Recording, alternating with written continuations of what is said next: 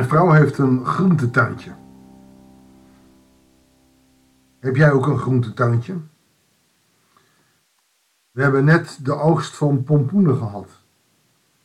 Ze had niet één pompoenenstruik, ze had er twee. En er zijn pompoenen uitgekomen van wel een halve meter. Ik denk dat ik de hele winter pompoenensoep moet eten.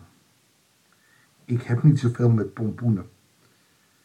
Zij is er gek op, dus ik eet braaf mijn pompoenensoep. Laat nou vandaag de Bijbeltekst ook nog eens over een pompoenachtige plant gaan. Ja, kijk, nu wordt het wel vervelend. maar we gaan, uh, we gaan het hebben over de coloquint. Of het nou wil of niet. Ik wil je hartelijk welkom heten bij een nieuwe uitzending van het Bijbels Dagboek.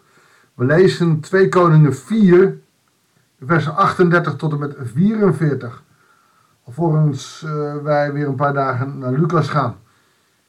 En we lezen daar in vers 38, Elisa ging terug naar Gilgal. Er heerste in die tijd hongersnood in het land. En toen hij in de gemeenschap bijeen zat, droeg hij zijn knecht op een kookpot op het vuur te zetten en een warm gerecht voor hen te bereiden. Dat is op zich uniek, want als je met een hele grote groep bent, heb je een flinke pot met eten nodig. Dat is nogal een uitdaging als er hongersnood is. Een van de profeten ging buiten eetbare planten zoeken. En hij vond een wilde kruidplant, een coloquint. Ik weet niet of je wel eens een, pardon, een uh, popoen hebt gezien. Dat het is heel veel blad, heel veel blad, heel veel, dwars door die hele tuin heen. En dan een paar popoenen. Dus, dus de beschrijving is, is hier ook wel heel erg mooi. Een wilde kruidplant. En er staat een coloquint aan. En de coloquint is een bepaalde popoen die in het Midden-Oosten uh, wel wordt gekweekt, maar niet wordt gegeten. Hij heeft een bittere smaak. Hij wordt wel gebruikt als medicinaal eh, gebeuren, maar de coloquint wordt niet gegeten. Maar hij plukte daarvan zoveel, eh, zoveel mogelijk als kon. Uh, en, en, hij kon meedragen. En toen hij terugkwam, sneed hij de vruchten in stukjes en deze door het gerecht in de pot. Ze wisten namelijk niet wat het was. De coloquint in de pot. Het gerecht werd rondgediend en zodra ze ervan proefden, schreeuwden ze het uit. Godsman, de dood in de pot. De Israëlieten hebben iets met bitter. Wij houden nog wel eens van een bitterkoekje, dat moet je een Jood niet voorzetten. Die bittere smaak doet denken aan een mara, een raam, eh, noem mij maar mara, noem mij maar bitterheid. Aan hongersnood. Hoe je soms ja, nou ja, een coloquint moet eten omdat je honger hebt. Die bitterheid is een, is een smaak die een Jood niet graag heeft. En, ehm, en ze krijgen vervolgens dus ook geen hap door hun keel. De dood zit in de pot. Die bitterheid staat voor de dood. Zijpad, ik moet dan denken aan dat ik een keer in een klooster uh, het avondmaal heb gevierd. En het avondmaal uh, werd daar door de priester uh, voorbereid en die had een wittige wijn. In de protestante traditie wilde het nog wel eens een zoete Spaanse wijn zijn. En de Rooms-Katholiek is vaak een bittere, witte wijn. Eentje die je niet graag eet. Een soort van wijnazijn. Niet lekker. Maar de priester mag niks weggooien en vervolgens moet hij het allemaal opdrinken. Maar het mooie daaraan vind ik wel dat die bitterheid staat voor de bittere dood van onze Heer.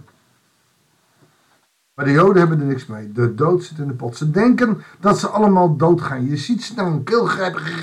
Oh, we hebben gif gegeten. Zei Elisa, breng me wat meel. En hij strooide wat meel in de pot en zei, schep iedereen opnieuw pot op. Dus hij doet er wat meel bij om als het ware de smaak wat te dempen. Maar denk je dat iemand nog zou willen eten? Er is nogal groot geloof nodig dat als de hoofd uh, van de groep, de hoofdprofeet, een beetje meel over dat vreselijke bittere gerecht strooit, dat het dan goed kan. Er is dus geloof voor nodig. Wat hier gebeurt is een wonder. Dat beetje meel haalt de bitterheid niet af van die kolenkwinten. Maar geloven dat God door de profeet een wonder doet, is veel meer. En een beetje meel kan de bitterheid niet weghalen, maar toch, de bitterheid was volkomen verdwenen. Ze konden de kolenkwint gaan eten. En ze konden gewoon in de hongersnoodtijd hun buik vol eten. En in die context staat het. Hongersnood en eten. Want we gaan nog even verder. Als we lezen in vers 42. Op een keer kwam iemand uit Baal Salisa Elisa opzoeken. Hij bracht twintig gerstebroden voor de godsman mee. Gebakken van meel uit de nieuwe oogst en een zakje vers graan. Het is op zich wonderlijk dat hij dit zo meeneemt. Dan moet het haast zo zijn dat in het gebied van Baal Salisa uh, geen hongersnood is. Hij neemt in ieder geval veel mee. En Elisa droeg zijn bediende op dit als maaltijd aan de profeten voor te zetten. Die hadden net die kolen achter de rug, dit is een ander moment. En ze mogen die broden gaan eten. Maar de bediende protesteerde dat hij beslist niet genoeg had voor honderd personen. Ze zei nogmaals, zet het de profeten voor. Ze zullen er een maaltijd hebben. Want dit zegt de Heer, ze zullen ervan eten en nog overhouden ook. Nou, ik hoef niet een rijke fantasie hebben om je aan te geven waar er hier wat gebeurt. Hier zie je toch de wonderbare spijziging van de vier of vijfduizend. Alsof dat uniek was wat de Heer Jezus deed. Nee, God had het wonder al eerder gedaan door zijn profeten. En daarom is het zo mooi dat in het Nieuwe Testament men denkt, ja, dit moet wel waar zijn, dit moet wel God zijn. Waarom? God heeft het al eerder gedaan. Weet je nog, die profeten, toen met Elisa,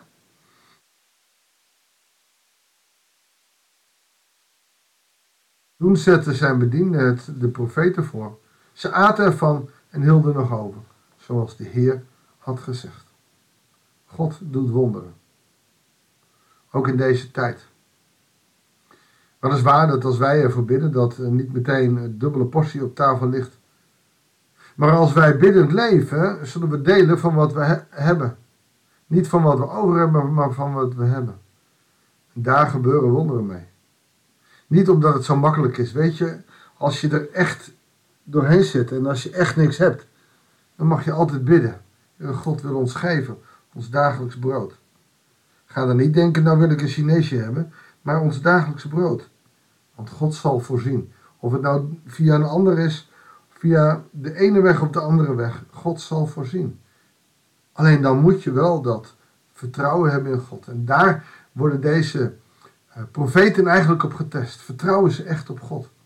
Nou, met die kolen zal dat heel lastig zijn geweest. Die bittere smaak heeft het ze niet makkelijk gemaakt om, dan, om uiteindelijk de, de soep die daarvan gekookt is te, te nemen. Ze dachten dat ze de dood in de pot hadden. Probeer dan nog maar eens een hap door je keel te krijgen. Als God een wonder doet, als God ingrijpt, mag je gewoon weer gaan eten. Waarom? Omdat God het goede met jou voor ogen heeft. Oftewel, God heeft jouw geluk voor ogen, niet je ongeluk. Een hele nieuwe maaltijd kregen ze niet. Gewoon een beetje meel. God had het gezegd. De les die we moeten leren is niet dat God wonderen doet en dat God eten uh, bevoorraadt, maar dat God van iets wat op de dood in de pot lijkt, iets levendigs kan maken. God is een omdenken, God is een schepper van hemel en aarde. En dat mogen we nooit vergeten. In welke situatie dan ook. Zullen we danken en bidden? Vader in hemel, dank u wel voor het wonder van de vermenigvuldiging van het meel. Dank u wel dat kolenkwinten eetbaar werden gemaakt door een wonder van u. Heer, dank u wel dat u een God bent van liefde en genade, van, van heel de schepping, omdat u de schepper bent van hemel en aarde. Heer, dank u wel voor wat u doet voor de mens. Wilt u zo ook voor ons zorgen? Als we soms denken dat we alleen nog maar een bittere pil te slikken hebben, Heere God, dat u van heel veel bitter eten ook heerlijke zoete vruchten kan maken. Symbolisch door een beetje meel, maar eigenlijk door het wonder van uw aanraking. Heer, raak ons hart aan. Maak ons vol van u. Laat dat wonder in ons gebeuren, zodat wij die zoete getuigenis van het liefdevolle evangelie mogen doorgeven. En dat wij niet als door het leven tegengezeten bitter worden als een kolenquint. Heer, ga met ons mee en geef ons zo een goede dag, omdat we ook deze dag van u getuigen mogen. Dat bidden we u in Jezus' naam. Amen. Dankjewel voor het luisteren.